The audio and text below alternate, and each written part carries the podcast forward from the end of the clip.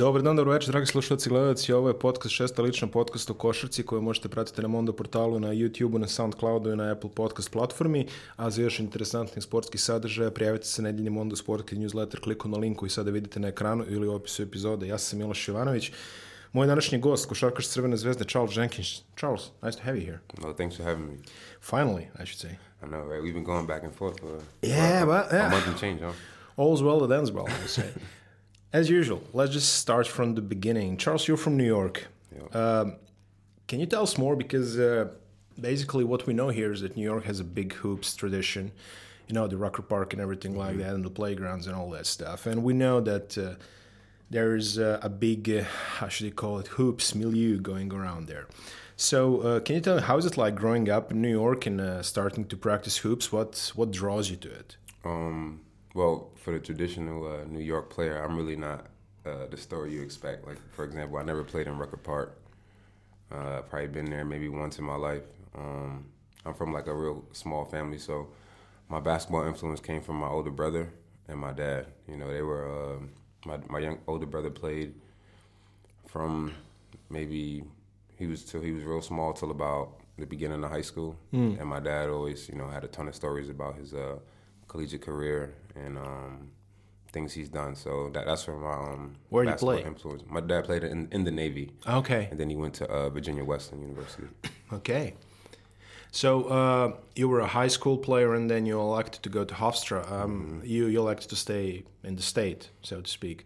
Was there any interest uh, from you going elsewhere, or why did you pick just about that program? Um, I mean, my situation was a lot different just because, uh, you know, as a, a basketball player in, in America, you know, you get used to, you know, seeing videos of guys that get the big box of letters and they have like 50 schools that want them. Uh, my situation was the complete opposite. Um, I didn't have any Division One schools um, going into my senior year of high school, and it literally came down to one game. We had one game against a, a very good team in the country, and there was a few uh, you know college coaches there, and I performed really well. And then Hofstra was one of the first schools that reached out, and they wanted to know about my grades.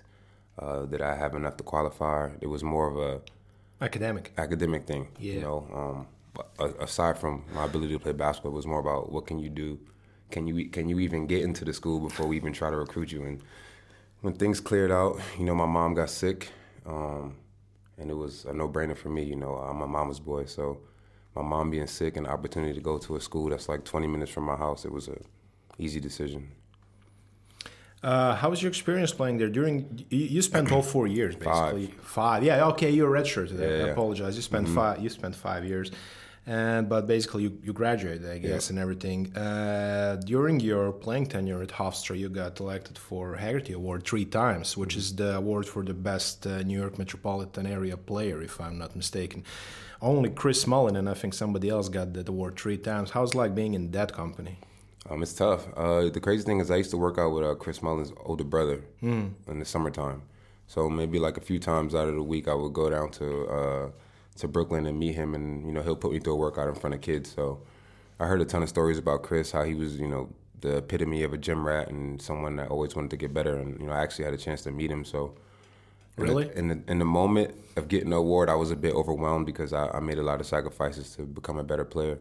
And you know, as my career is you know blossomed, you know, I was something that I could look back on and just be more appreciative of the work and you know how I got there. For people who don't know, Chris Mullin played for St. John's, if I'm not mistaken, which is another New York school. So he's another local boy, so to speak. Uh, very standout NCAA and later NBA player in my top three favorite player of all time, which is why I'm mentioning it, obviously. Uh, you were drafted in uh, 2011 Yeah. uh, as a second round choice. Everybody has their own draft story. Uh, how, how, how, what's, what one is yours? How, how are you? I mean, um, I, the anticipation, the build up, the workouts, how did that go? Uh, it was, I mean, it was a crazy experience just because I'm from. I'm, I mean, I'm I'm from a small place, honestly. Uh, so to be in that that kind of stage, it was it was amazing. I saw some of the best athletes I've, I've never you know saw in real life before. Um, got a chance to play against some really good guards that I I didn't get to play against in college just because I played at a, at a smaller level, and just the whole process from you know interviewing with teams, traveling, flying uh, to see different cities, getting a chance to to play in front of coaches and let them get to know you for one day, and seeing other players and how everybody else is working out, preparing for it. It was just a, a surreal moment for me. How, how is it like? Um, so you get drafted. You, you're drafted in second round. I think 44th overall. Mm-hmm. Um, people quite often don't really understand how difficult it is staying in the league after uh, as a second round pick. Mm-hmm. You stayed for two years, so you need to like there's summer leagues, there's camp, there's everything. There, there's a long way to go to a guaranteed yeah. contract. I mean, my, my situation was different because uh, my, my rookie year was the, was the lockout. Yeah. So I had all this these workouts for a month and a half. Uh, finally got drafted, which was probably one of the most mixed emotion days you can ever experience. Why mixed? Just because you wake up in the morning, you know it's draft day, but mm-hmm. you don't know if you're getting picked. You know, I wasn't like a a guaranteed. Yeah, you weren't you know, a blue pick. chip. It wasn't like that. You know, I wasn't I didn't go to the green room, you know, things like that. So yeah, yeah in yeah. the morning, I woke up kind of excited. You know, my barber, I never forget, my barber woke up at 6 a.m. to cut my hair. And they had like, you know, ESPN at my house and all these things. And in the back of my mind, I'm like, you know, this they, my name still didn't so call, getting called. That was like the end. And my, my that, parents. That was like the intro for 2K15 or something. yeah, something like that. My parents, my parents booked this, and my agent booked like this big hotel room that we had my, my close friends and my family uh, watching the draft. But for me, I knew I wasn't a lottery pick, so I was at home. I was at home, and I was like, I'm gonna make my way to the city maybe around after the lottery pick. Then I'll, I'll I'll drive down to the city. So once I got to the city, I think it was like, I think Norris Cole just got called, and then I was like, okay, now at some point either my name's gonna get called or it's not. And I remember my you know my mom rubbing my back the entire time as players got called, and my boy is cursing, saying who I'm better than, and you know my sister just puzzled, don't know what how to react. And in my mind, I'm like, man, I got the pressure of my the pressure I have in my head where I want to be, and then I have the pressure of my family because everyone else has they, their own emotions. So it was tough until my agent finally called me at after 43, and he was like, you know, uh, the Warriors are going to take you and uh, make the best of your opportunity. And then that finally happened. The room erupted. It was champagne, all of that crazy stuff, and then to go through a whole lockout after that. Like I finally got to where I wanted to be, and then the season was postponed for about three months. So it was, it was, it was difficult. It was, it was really weird for me. Uh, I was done with college, so I was, I didn't have any money. you know what I mean? It was a, it was a great moment because I knew at the end of the day I had an opportunity to to prove myself, but I also had three months to wait and see what was going to happen. And go all across the way across the country. I mean, how big was that for you? Oh, it was great.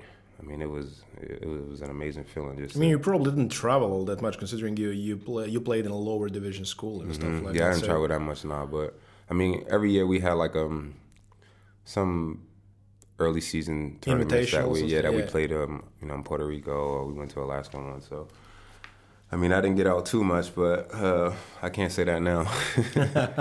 yeah, yeah, definitely. So you get into uh, the well, you got to Golden State just as they were starting to get good. The situation yeah. there. Mm-hmm. I mean, Mark Jackson was your coach, Mark another uh, year, yeah. another New York uh, hoops legend. Mm-hmm.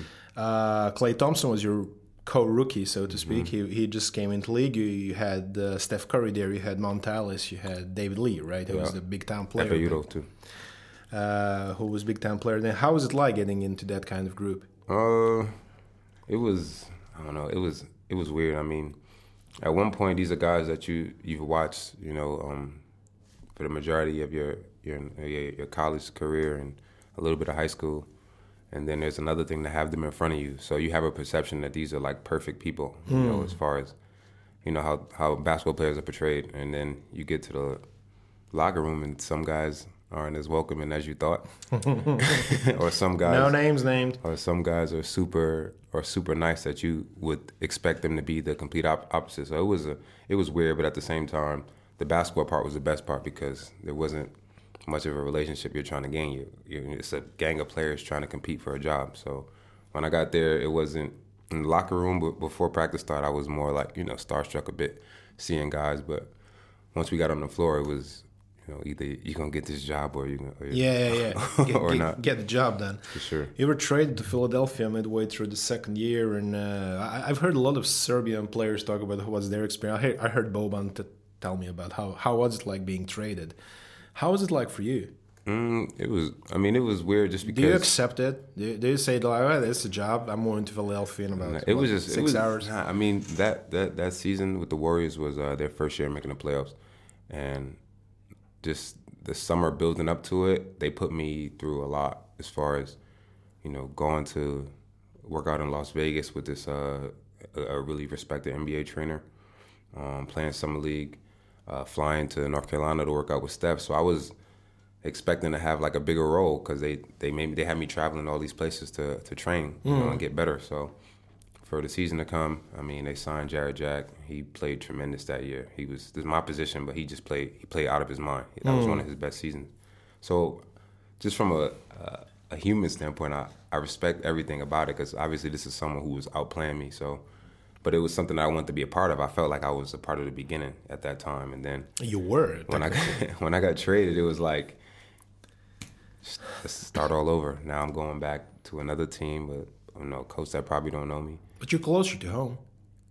Yeah, that was that ended up being a, a a bad part, honestly, just because I was so close and people always wanted to be around. And- Oh, okay. and, I I, hear you. and I lived in a hotel. I lived in a hotel my, my entire for the rest of that season. So imagine people wanting to see me, but ten people cramming in the hotel room just to be in my presence. So it was. I mean, honestly, Philly was probably the most stress I experienced as a basketball player, Hmm. just because the Warriors had so much success and I wanted to be a part of it. And I went to a team that was um, on the verge of tanking to get better players to be the team that they are today. So it was. Oh, you were in the middle of process. Exactly. I was in the beginning of in the the beginning beginning of of the, the Warriors process. the Warriors reign, and the end uh, and and I was in the tank the tank season of the Philadelphia 76ers. So I had uh, some weird luck in the NBA for sure.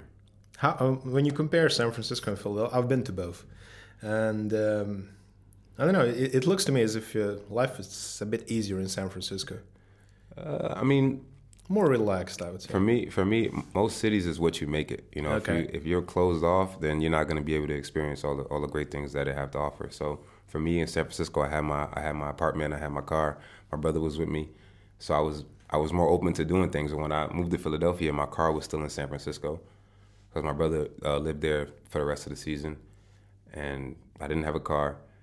I lived in a hotel.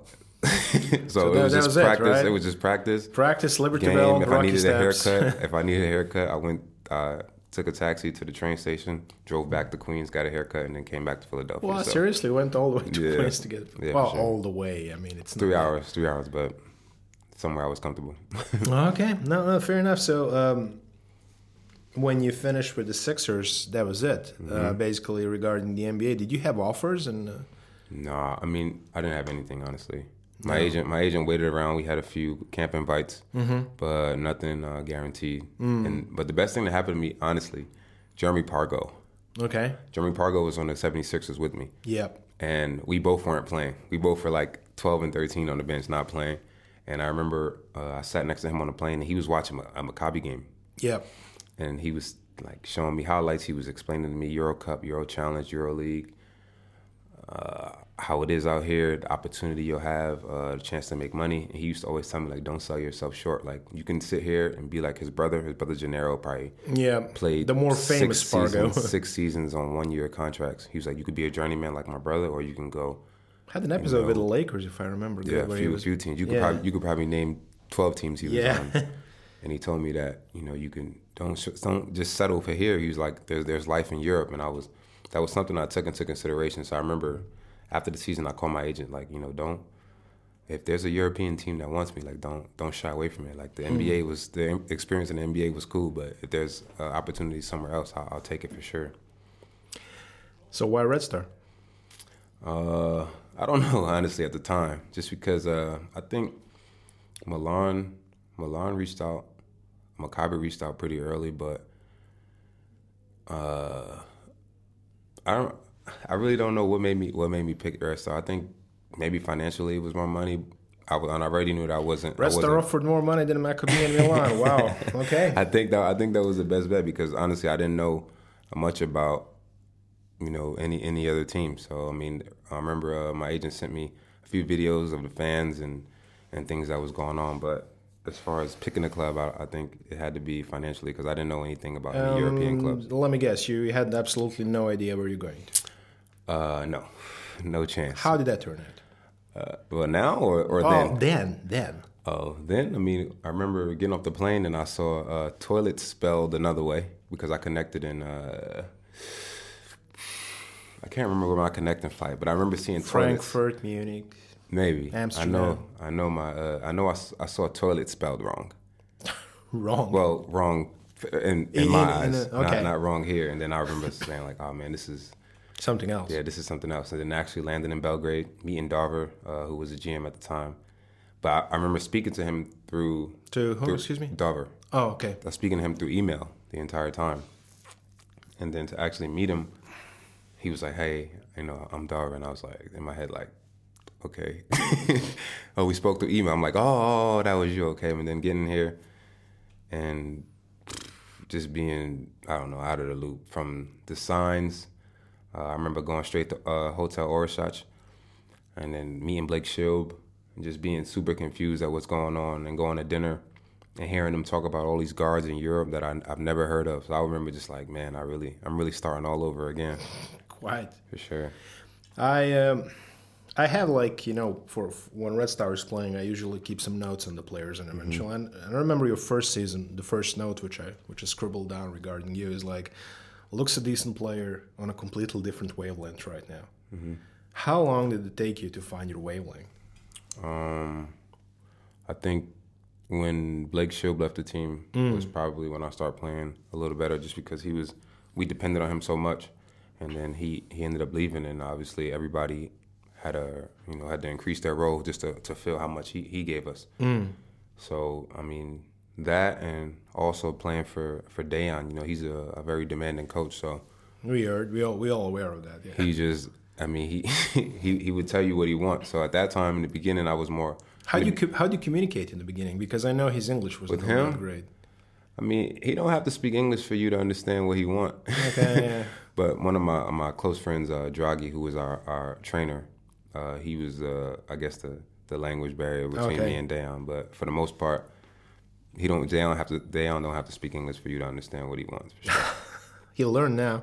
yeah, he learned. How, yeah, it's, it's kind of funny to hear how, how well how well his English is. Yeah, yeah, he's worked. He's worked on it really, honestly. Now, uh, the the breakout games. Let's let's say your calling card for for for most Red Star fans is the game against Budivelnyk in um, quarterfinals of the of the Euro Cup. Um, can you describe how did that all go on from? Because you know we watched from TV, we seen it in the stands, but how was it like on the court? I wish I could put it into words, honestly. Um, I remember just the first half being really passive.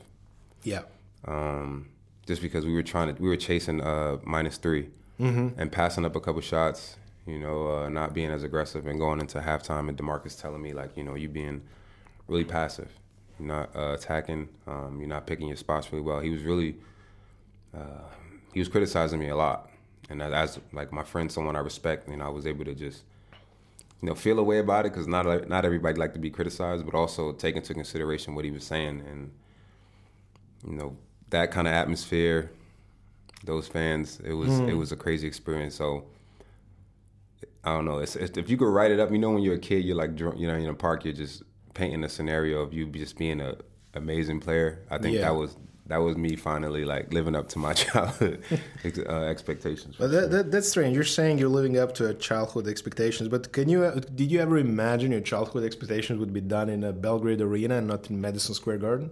Nah, because my uh, not really because my ah, I know, my, my road my road but- to success is, is it was it was a long road. You know, basketball wasn't always the my first option, honestly, because I was I was overlooked so much as a basketball player. I was more about proving to myself after a while. You know, so any mm. any any you know small accomplishment I made was was big for me just because I know getting here was so tough. Mm. And then you had, of course, after after that, you had the big letdown of the Final Four in Belgrade. Worst day ever. Worst day ever. It was for me. I know that. Sure. Now you imagine imagine me. I'm glad uh, social media is not as big as it is now. Back then, for sure. Oh, oh, my, my wife thought I was we were divorcing. Honestly, I, I just got home. You know, I was I was uh, I was with my kid at my in-laws, right? And uh, I was watching the game there. So when the game was done, I packed up my kid. I got home. I parked in the drive. I just dropped the kid off like mm. this. Uh, I went out on the porch, started smoking, and poured out the drink. And she was like, "Look, we can talk this over." Man, and I'm like, "No, no, no, it's not what you're thinking." Man, I remember, uh, I remember Demarcus texted me uh, the next day, and he asked me uh, to go to to go to lunch with him, me, him, and um, the strength coach. And the ride there, we said nothing, and the lunch, not one word other than the order. And even the waiters could feel like the the tension. It was just kind of like you want something, or do you just want to sit here? It was that was a tough day for sure, and the text messages I was getting was pretty intense for sure. Oh, yeah, just you know about disappointing how important the game was and you know things like that. But first, first of all, just just let's slow down a bit. You re-upped during the season. Yeah. Uh, were you that content here because we don't really get a lot of foreign players who re-up? Mm-hmm. Um, I was. I mean, I was just so comfortable, man. I mean, from you know basically failing as an NBA player, and no one wanting me at all. That's a strong way to put it. You don't think so? No, I, I think so. I mean, uh, it's, it's, honest. no, no, no, no, no. Of course, but I mean, it's very uh, straightforward. Yeah, I mean, that's just how I am. I mean, failing as an NBA player and then getting a second chance to continue my professional career, and then coming here and being in an environment where I was accepted finally. Mm. You know, all my life I just that's all I wanted. You know, just to be mm. accepted, whether from as a professional for sure. Okay. And how the people treat me here, uh, my role on the team at the time. You know, it just it just felt like the right thing, and especially I could see that what coach was going through, and what he was trying to build. So it was mm. something that I, I wanted to be a part of, and you know, coming back and the fact that that was one of the first times he spoke English to me was him telling me that, you know, he's interested in me coming back the next season. It was like, you know, why wouldn't I do this? This is I'm still I'm still young. It's the early part of my career, and it's a place that I, I could see growing because we had a lot of pretty good young guys at the time. And it all paid off next year, didn't it? Next year was great. It was a, a great season for sure. And uh, basically, after after you managed to qualify for the top 16 phase of the of the EuroLeague, um, the top 16 phase went not so great. Mm-hmm. Obviously, mm-hmm. there was a couple of early losses, but we spoke uh, the other day about how the Maccabi game turned turned things around. Now I remember that game very distinctly because uh, they they closed off the upper uh, tier of the of the arena, right? And um, for the first time in a while, there was like a low interest. But the people who came in, they they, they had a show. Yeah, I mean, just let's just be honest. Outplayed terrible the for the beginning. I didn't want to say that the beginning of the season, I was terrible. Couldn't make a shot.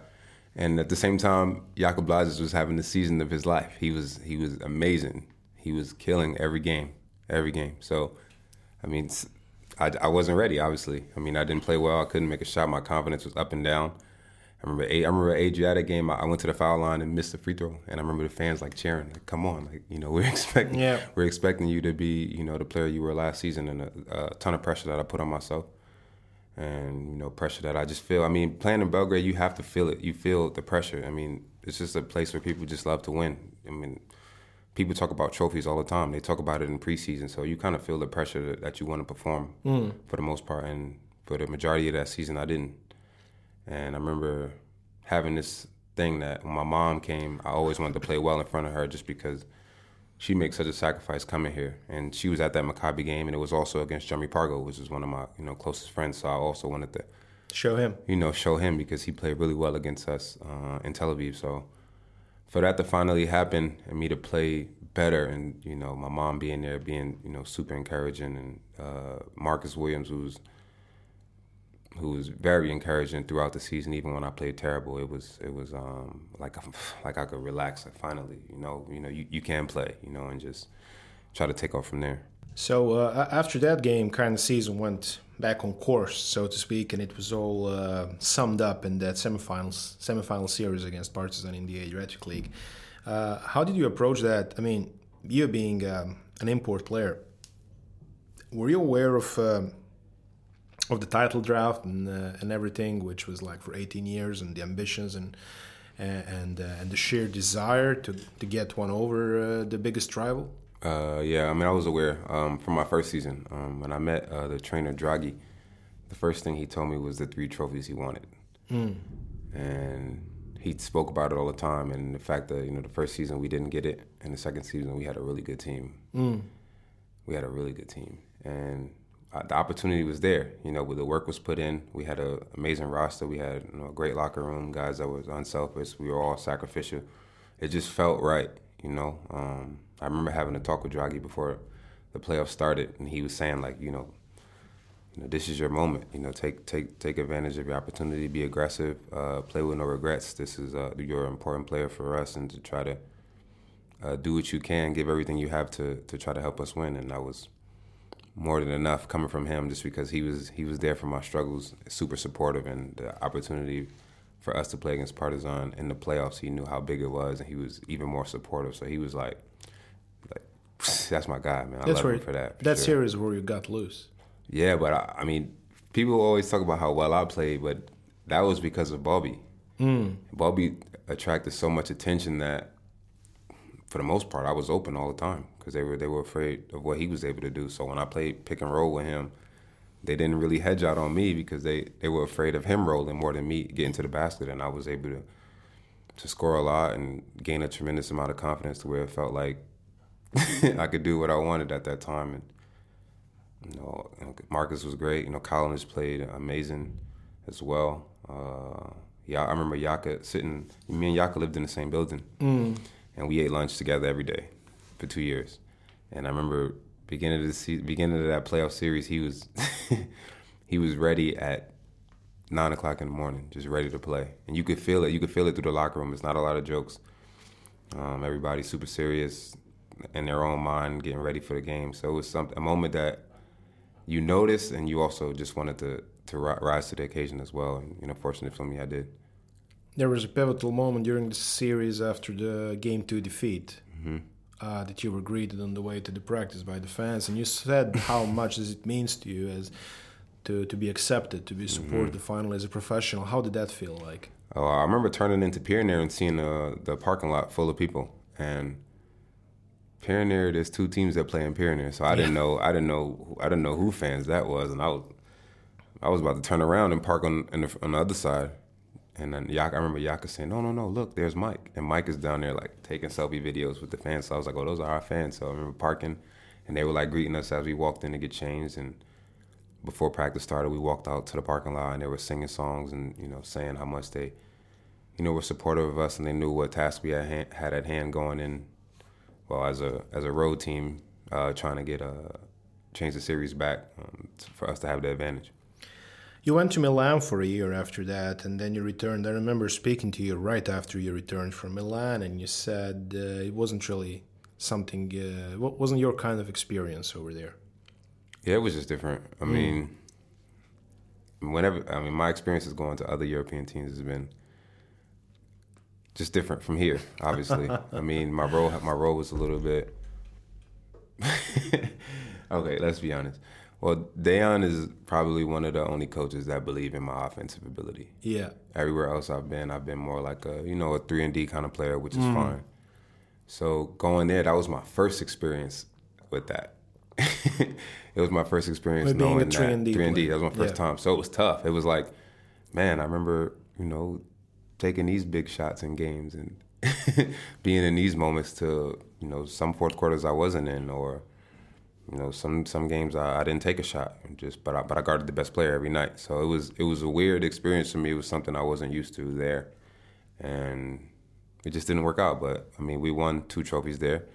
Um, I played really well in the uh, in the cup, and uh, for the Italian the Italian league uh, finals, I was out. I was out from the team. They they uh, put me on the inactive list. So it was a learning experience. I mean, I met some great people there that I still have relationships with. Um, I still get motivated when I see Jasmin Repeša, but other than that, I mean, it was a, the experience. It was what it was. I, I still uh, have a great connection with some some fans there and the staff, and it was just an experience that didn't go um, as well as we we thought it would. So you came back to Red Star, dear. I mean, and afterwards you went to Moscow again, but you came back to Red Star twice. Mm-hmm. What keeps drawing you here? I mean, this is this is my place. Like this is this is like home to me. Honestly, uh, I have a, a amazing re- uh, relationships with people here. You know, outside of basketball as well as you know, the club. And every time I'm free, I'm a free agent. Red Star is one of the first teams to call. And from a, a standpoint of knowing, oh yeah, rather than uh, having to guess and wait to see what actually happened, is just a, a more comfortable decision for me for sure. The the team which you returned to 1st mm-hmm. the team in 16-17, is in my opinion probably the best Red Star team that played in the last 20 years or so. How was it like being part of that team? Uh, it was fun. Uh, it was fun from, from the moment I got here. Uh, just reuniting with Coach, um, speaking with Laza, finally getting a, a, chance to be back with Simke. You know, um, Simke was my first roommate. You're talking about Simonovic. Yeah. Okay. And the I remember this like yesterday. My first, my this is my first experience with Marko Simonovic. Uh, me and Blake Schilb get in the car. We drive three hours up to Zlatibor. Blake Schilb is there. Demarcus Nelson is there. Uh, Demarcus is, he got a single key, which means he had his own room, and Blake mm-hmm. got a single key. They gave me my key, so I'm thinking like, okay, I got my own room also. So I walk into a hotel room. I walk into the hotel uh, room, and there's a pile of clothes on the floor and the shower's on, but it's a big room. So I was like, okay. So I have a roommate, but I don't know who he is. You know, it was like a mystery, man. And it's Cluedo. Ten minutes later, Marko Simonovic walks out in his towel, and he's like, "Hey, what's up, man? How are you?" And I'm thinking in my head, "Who is this? Like, who, who is this guy?" And from that moment on, we've been like like really really good friends. And that season we didn't have the success that we wanted as far as the cup, other than the cup. And coming in 16, 17, he was one of the guys that was like, you know, I'm gonna be here next year. You know, come back, bro. You know, Laz is gonna be here. Naming all the guys that I was really close with that was gonna be on the team, and I was like, more like finally, like you know, these are guys mm. that I that I've known that that know me well as, as, well as the coaching staff. So it was just, I was just happy to be back. Mm. And uh, play wise, I think uh, you looked, um, how should I put it, more motivated than ever. Yeah, I mean, just from my Milan experience, and you know, I had I had like a, a one plus one there, and the fact that you know I didn't I wasn't back my second season. I felt more that I had you know a lot to prove, honestly, mm, mm. and I was also jealous a bit because rest I was in the top eight the year before. So oh, I was yeah. like, man, I wanted to be a part of that. I wanted to bring uh, Red Star to uh, the EuroLeague playoffs. So I mean, I was I was super motivated. It was, was very close. I was I was uh, around a great group of guys that, that had the same amount of confidence in me that I did as them. So it was just a it was a great feeling, honestly. So going uh, going from that kind of atmosphere to Moscow, uh, I remember speaking with uh, Milos Teodosic, who mm-hmm. just told me in Moscow you're just another face in a crowd. Yeah, I mean, I mean, unless unless you're like a unless you're Kirilenko, people are not gonna you know night and day. They're just gonna it's, you know it's, it's night and day from yeah. here for sure. I mean, I mean after a game, you're you're just normal. You know, you, you can go eat. no, there's not a lot of people that want to take pictures with you or know who you are. Uh, also, Moscow is Moscow as far as the weather and you know, not everybody is as friendly as they are here. So people mind their own business a bit more, I would say. Uh, yeah, to the point where it's uncomfortable. oh, sometimes, yeah. Like, I mean, it's it's a it's quite an experience, I must say. Um, some people there are really mean, or some people don't speak at all. You know, so it's just from what I'm used to here. You know, here is like, how are you? Everyone, everyone knows everything basically about you, and going to some place where not only do they not know anything, but they don't care either. So it's it's a it's a it's a definitely the complete opposite of here. You came to Europe at the age of 24, 25, something mm. like that. 23. 23.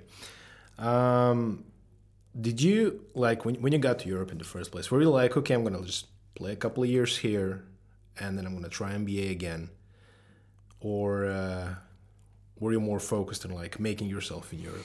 Uh, my first year, I was thinking that that I was gonna come here, play really well, and teams are going to call and I was going to go back home. Of course, most players that leave the NBA, they, they think that's going to happen. But for me, I'm more of a realistic kind of guy, you know? Mm. I don't like to set, especially in the professional world, because the thing about thinking like that, because some people, some people, it works out.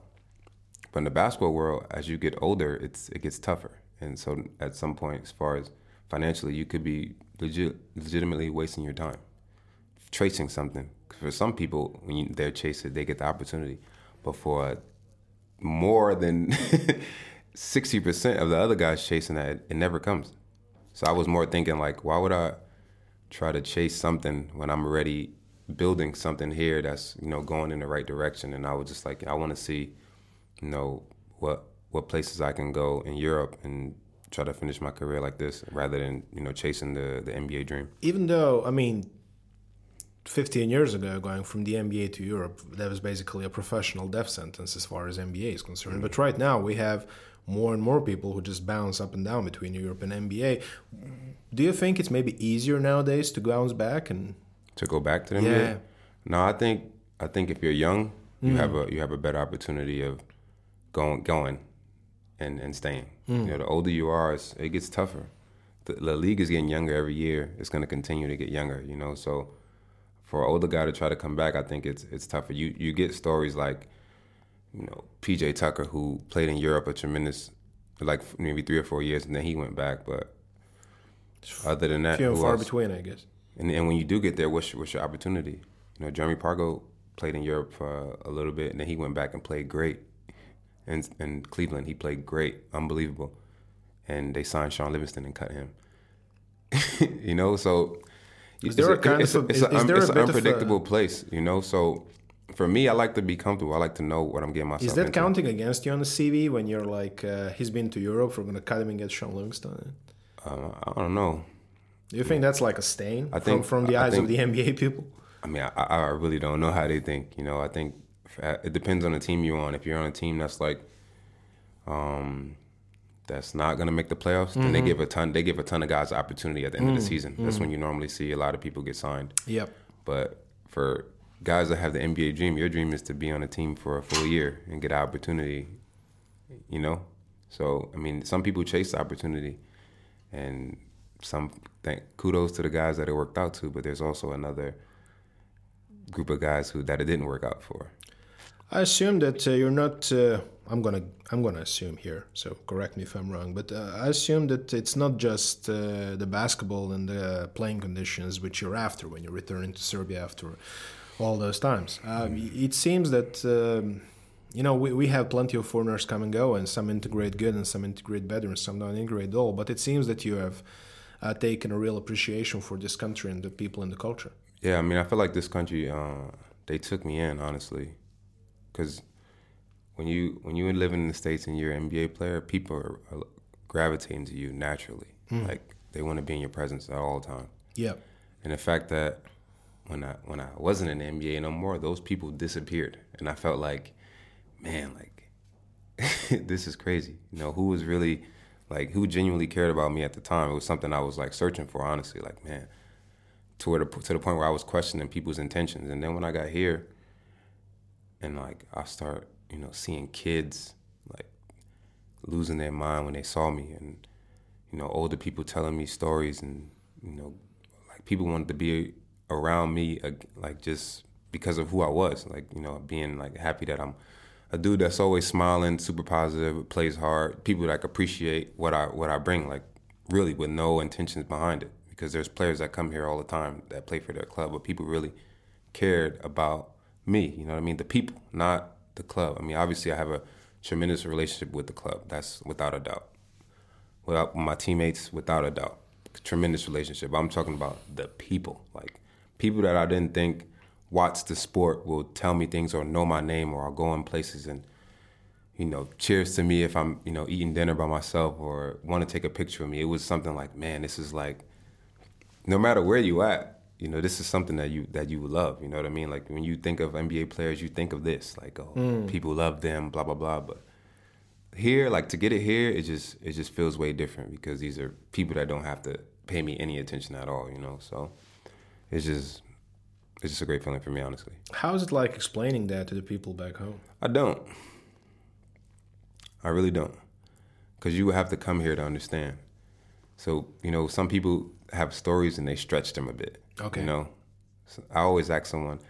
I always ask like my teammates at some point. I say, "What game did you have in your career that you're gonna exa- exaggerate 20 years from now? like for me, the Budivelnyk game, I'm, I'm gonna probably tell my kids I hit 13 three pointers just mm-hmm. to make it sound better. You okay, know, because that's yeah. just how people are. We people are gonna exaggerate. But as far as uh, the fan base here and how the relationships that I have with many people, I don't really talk about it at home because if they my friends never came here, they would they would probably think I'm lying. But if you if you come here and see the the tremendous amount of respect I've gained from people here, it's it's just something you have to see. Um, on your social media profiles and basically in your um, uh, during casual talk and stuff like that, you are you have mentioned fairly often you're a man of faith. Mm-hmm. And uh, this is not something which is so openly discussed, but I know that a lot of American professional athletes are very religious and they often quote uh, all, all, this. How does this uh, fit in with your basketball uh, professional career, and what kind of influence do you think it goes over it? I mean, you have. To, I mean, that's all you have. Honestly, is your faith. Um, you you you can't really prepare uh, what's going to happen because every day is different. You know, especially in the world of sports. You mm. know, it's, it's, a land of opportunity. Uh, someone can get hurt, yeah, or you can get hurt. You never know. So, for the most part, you just have to believe. Uh, I've my, my one of my closest friends, his mom and his dad are both pastors. And mm-hmm. I knew them since I was eight years old. And every summer before I leave, they have a big thing at the church for for me to prepare me for my season. And you know, my relationship with them, uh, except his his dad who passed away two years ago, um, it also helps because there's there's sometimes you know when when I go at home when I go home, I'm alone and, and I'm, I'm all I have is my word and technology to, to keep the relationships with everyone back home. So I mean, just the tough part of being here and having to adapt to things. I mean, you got to have faith in, in knowing that you know there's a possibility that anything can happen. You're talking about technology. How how how is it like in the 21st century keeping those relationships, especially for American players? Man, FaceTime might be the best thing for me. the moment I get home, I'm on a FaceTime with probably five people every day, and my phone is just on nonstop. Just sit up against something so I, they could see me, and it's just like that for countless hours until it's time to go to bed. Do you think about uh, sometimes? I mean, like when you're when you're not engaged into daily routines, do you think about legacy, your legacy, which you're leaving on uh, on this basketball club, on the league, on the on the club? In uh, country in general? Yeah, I mean, I think about it a lot. Um, Do you think you're big, you've been giving good example? For who? Just in general. Do you think people will, 10 years from now, will say, I'm going to go to play there because Charles Jenkins played there? Uh, I don't. I don't think so. I don't think. I, I mean, I, I don't think. I don't think I have that I don't think I have that kind of legacy for maybe like American players, nah. But I mean, there's two Serbian players that played at my university, which was pretty good. Okay. Just to, just to, um my the my coach from my college called me and asked me to speak to a Serbian player and his his parents to tell him about the school, or just seeing that another former Red Star player is gonna is gonna play there next year. I think if there's any influence, maybe that, but I don't think I'm influencing the Americans to come here for sure. no, that's that's a fair point. That's a yeah. fair point. But just uh, we really don't get a lot of uh, Americans who stay mm-hmm. around those parts for so long. So uh, there's definitely there's definitely some chemistry going on between you and the place. Yeah, I mean, and I know it's difficult to put into words. Yeah, but when I when I go other places, I always think about here you know, like man, when I was, or or compare it all the time, like like if there's something that's not going right, and you know, previous places that I've been, I'd be like, man, but when I was in Serbia, it was like this. You know what I mean? Yeah. To the point where when the season when the season ended, if Red Star came calling, I knew like, okay, I'm gonna go there because I know this is like this, you know, mm. or vice versa. So it was I mean, this place means a lot to me, honestly. I mean, I've been here four years now, know my way around the city. I should know the language a lot better, but I don't. But Well, I guess people speak English enough. That kind you know, Yeah, gets I mean- a false sense of calm. yeah, and plus I know. I mean, I know direction and I know how to order and now you, small now things. you so- don't. I mean, We'll talk about that later. You Yeah. gave me the wrong address for oh, sure. oh, come on. I mean, this this place means a lot to me. Everyone knows that, and I think that's uh, something that people are blown away by. I mean, I don't know. I don't know why. I mean, to me, this is like home, honestly. So everyone goes back home. That's like that's like the first thing I wrote when I came back this time. Something I put let a, I the- put let a dog roam he'll Yeah, find his way yeah, home. yeah, yeah. That, that's that's what I noticed. That's what I noticed. um, let's talk a bit about the season which is going on. We're taping this a, a week before the the final game. Let's just put it this way. This will this will go after. So I guess it will be playoffs either from third or fourth seed. Uh, let's talk about. Um, well, I guess the expectations and the ambitions are always to go for the best, but it's going to be a difficult one this year. Yeah, I mean it's gonna be really tough. I mean we put ourselves in a unfamiliar territory. Um, the fact that we're we don't have home court advantage at all, and we got to get one on the road.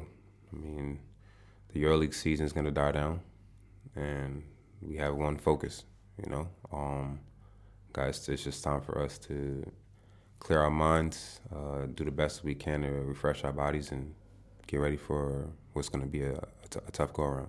You just uh, you mentioned EuroLeague. Uh, how do you feel about EuroLeague when you came in and now? Uh, Do you think it gotten better? I think it's I think it's got a lot better just because um, everyone gets to play against each other now. You know, the, the groups was the groups was cool, but just being able to travel and play against every player in matchups that you you wanted to see that you might not get to see based on whatever group you know certain players and you you get to see it and you get to see it twice. I think that's a, a good thing for the fans, uh, for the for the league. It's, it's going to help it grow. I mean, they kind of they're doing a lot now to try to make it a lot better. So I think it's it's it's um it's growing. I think you know years to come, it's going to be you know more and more improvement to the league. You think it's ever going to reach uh, some levels of NBA? I don't mean player wise, I mean organizational wise. I mean, I don't think it have to. Well, I mean, they're the, aiming the for NBA. it. The NBA is the NBA, but I mean, if it could reach the same kind of fan base that like a football club have, I think that's that's even bigger. I mean, with social media, um, players being able to interact with fans, I think it's, it's helping the league grow as well. And even the goal is to be NBA. You could, I mean, I think football is a bigger organization than American basketball. So if you can get close to either one, I think that's that's better than what it used to be for sure. After all those years in Europe around, uh, what do you miss about America most during the season? Uh, just my family. That's the only thing. Um, this this from the past few years in my career, someone has visited me every month. That's the best thing I can ask for, just because that, as great as it is playing, you know, there's that's a small part of your day, and then there's another part where you're absolutely alone, other than if you're with your teammates. And the older you get, you know, your teammates, you know, they have kids and and and wives and things like that. So you're not hanging out as much. So for the most part, you're physically alone. So that's, I think that's the thing that I miss. Just you know, having my mom next to me or my dad, my sister, just being really in their presence. That's the only thing. We all seen clips of your sister acting. Uh, Yeah, some dude made my whoever did that. Crazy. I don't know whoever did that. Yeah, had very good access to, to, Yeah, to film sure. that. Yeah, to but film uh, do they understand what I mean? After now, after all those years, they understand where you at, and Yeah, my my sister love it here. I mean, uh, she one actually one her best friend is Serbian. So when she comes here, and when she lands and she gets to the house, I know when I get back from practice, she's not gonna be home because they're out, you know, getting their hair done. You know, she likes Sheher and Senyak a lot. Mm-hmm. I know that's where to find her. And same with my brother-in-law, he love it here. And my mom, I know when my mom when I get home, my mom is just cleaning. My dad never been here, but I mean, my family, my family that do come, they really like it. Charles, the, the usual question which I always ask to, to the people, and you've seen it with Billy, who are the three toughest uh, players who you had to guard during your career? And uh, actually, why don't you split it? Three NBA players and three EuroLeague players. Oh man. Okay, let's go NBA first. Um, I'll say for me in the NBA, uh, Chris Paul was really tough. One because he defended me. I, I could barely get the ball across half court when I when he was guarding me, and on offense he did whatever he wanted.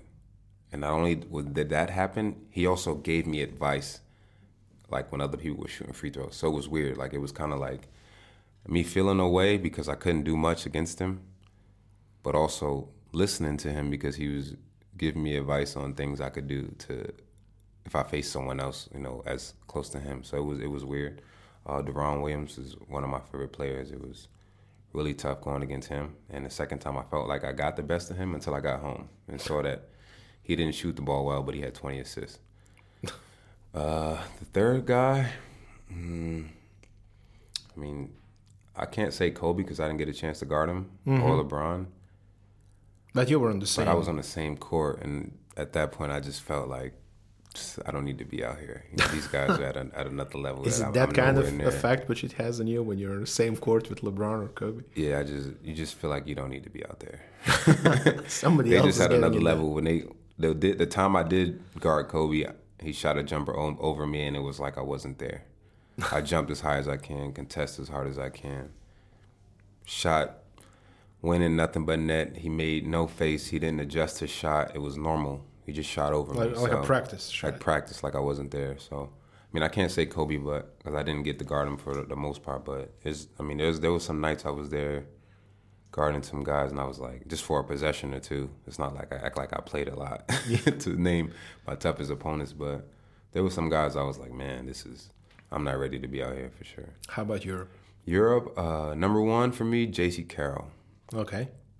A lot has to do with how good of a team Madrid is. So it's kind of hard to focus just on him. Okay. As far, especially like a help defender. So he's someone that runs off screens all the time. So you have to chase and chase and chase. And the moment he's sub in, every play is for him until he's cold. So guarding him, I always say like, man, I gotta make sure I'm there when he releases his first shot. Most important, because if he make his first shot, you're in trouble. One, because he can drive and he has a really good floater. Two, because if you make his first shot and they run a play and he's opposite of the ball, you have to help the roll man. Mm.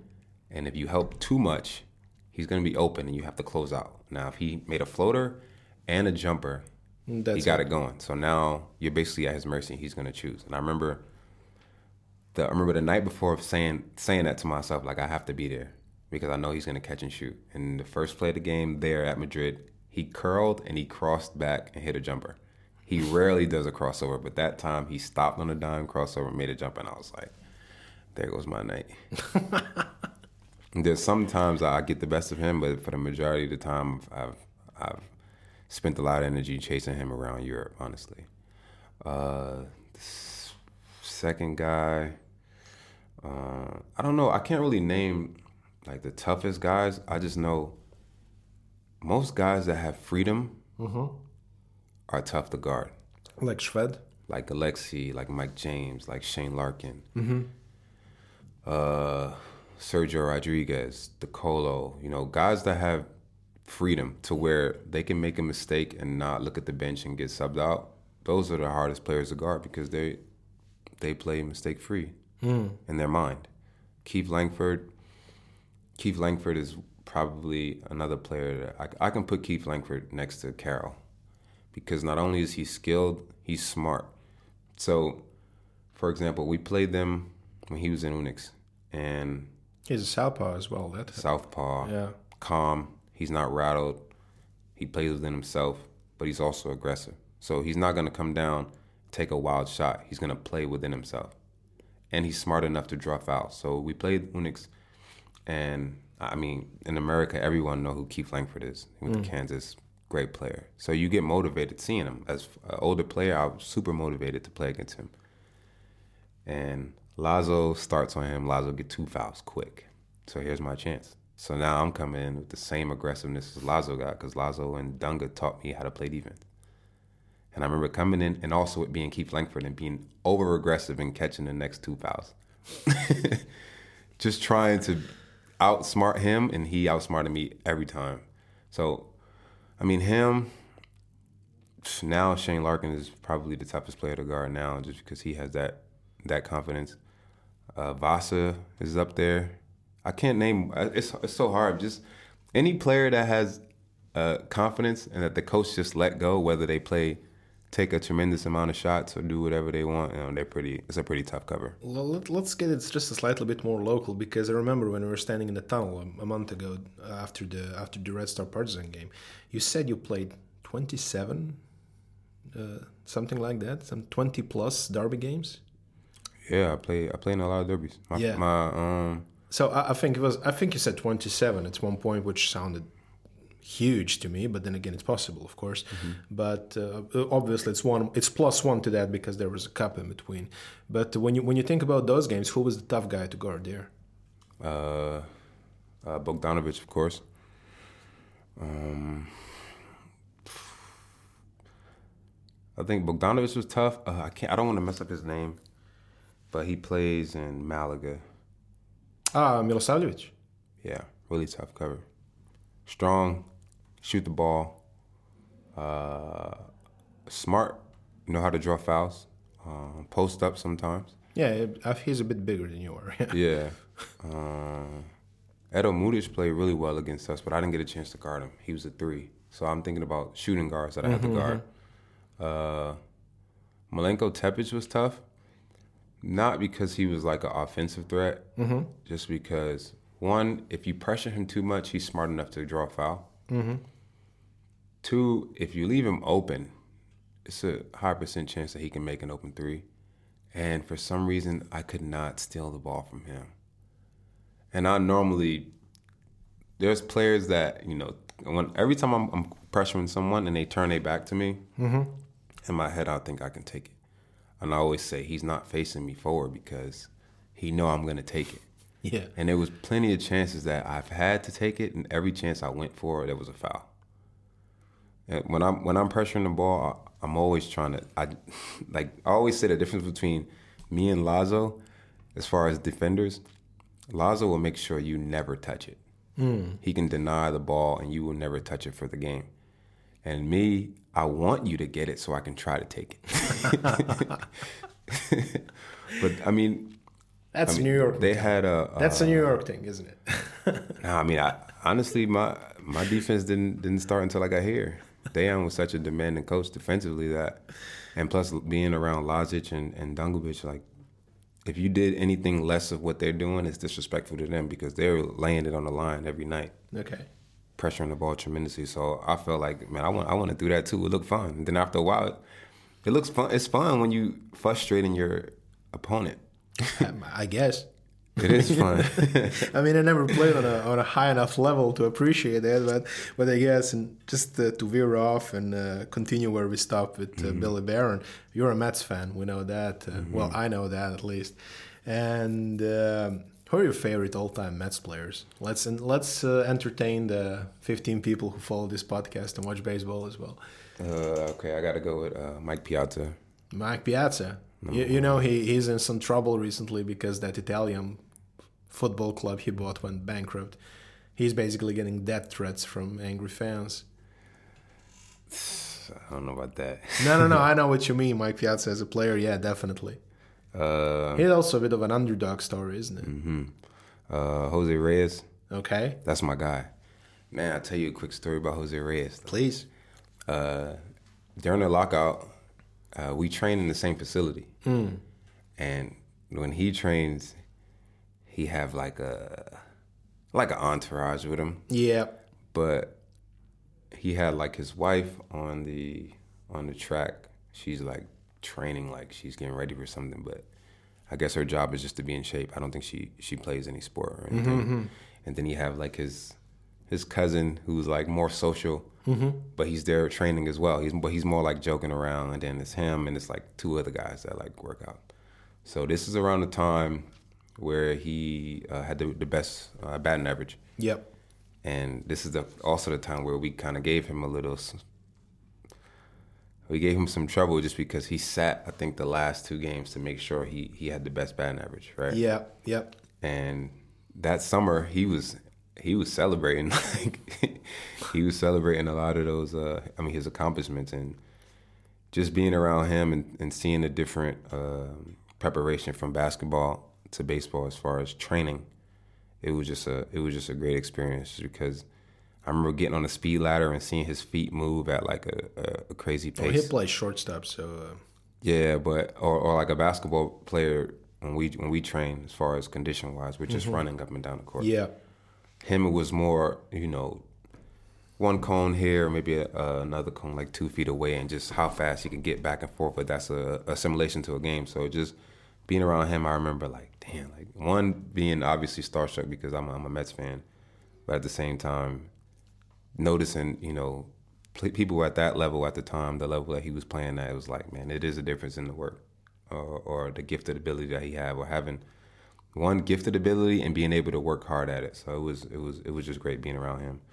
Uh, uh, Luka Duda, that okay. was my guy. Man, we let him go. I was so hurt.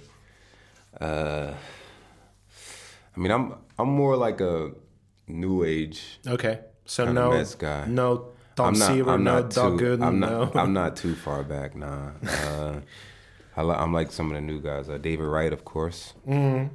Third base. Uh, Pete Alonso's. I mean, he's he's he's pretty good. I watched David Wright. Actually, when I was watching the Mets in person, David Wright was yeah.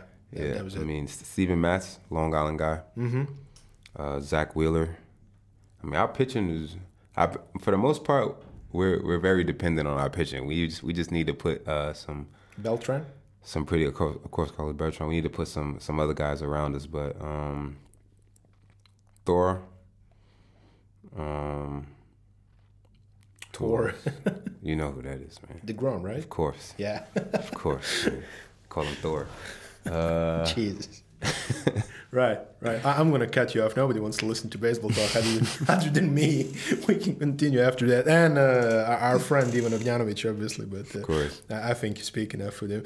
Uh, Podsjetit ću slušalci i gledalci da se prijave na nedeljni Mondo Sportski newsletter klikom na link koji vidite na ekranu ili opisu epizode. Back to English now. Charles, thank you for... Man, just let me say one thing. Uh, Please. To Saleh, which is my brother, I haven't seen Naja all season, bro. So if you could clip this part, Saleh, could you please bring Naja to the last game, bro? Oh, we probably this is not going to be aired until after the Zadar game. Oh, there's right? going to be a playoffs game after it, so don't worry about that. Man, could you please bring? We played in Jellinston yesterday. I was expecting to see her, but I didn't. So at some point in the season, I'd like to see Naja, bro. Honestly. there's your appeal, Charles. Thank you for coming. Thanks, bro. Appreciate you. It's been a pleasure. Thank you.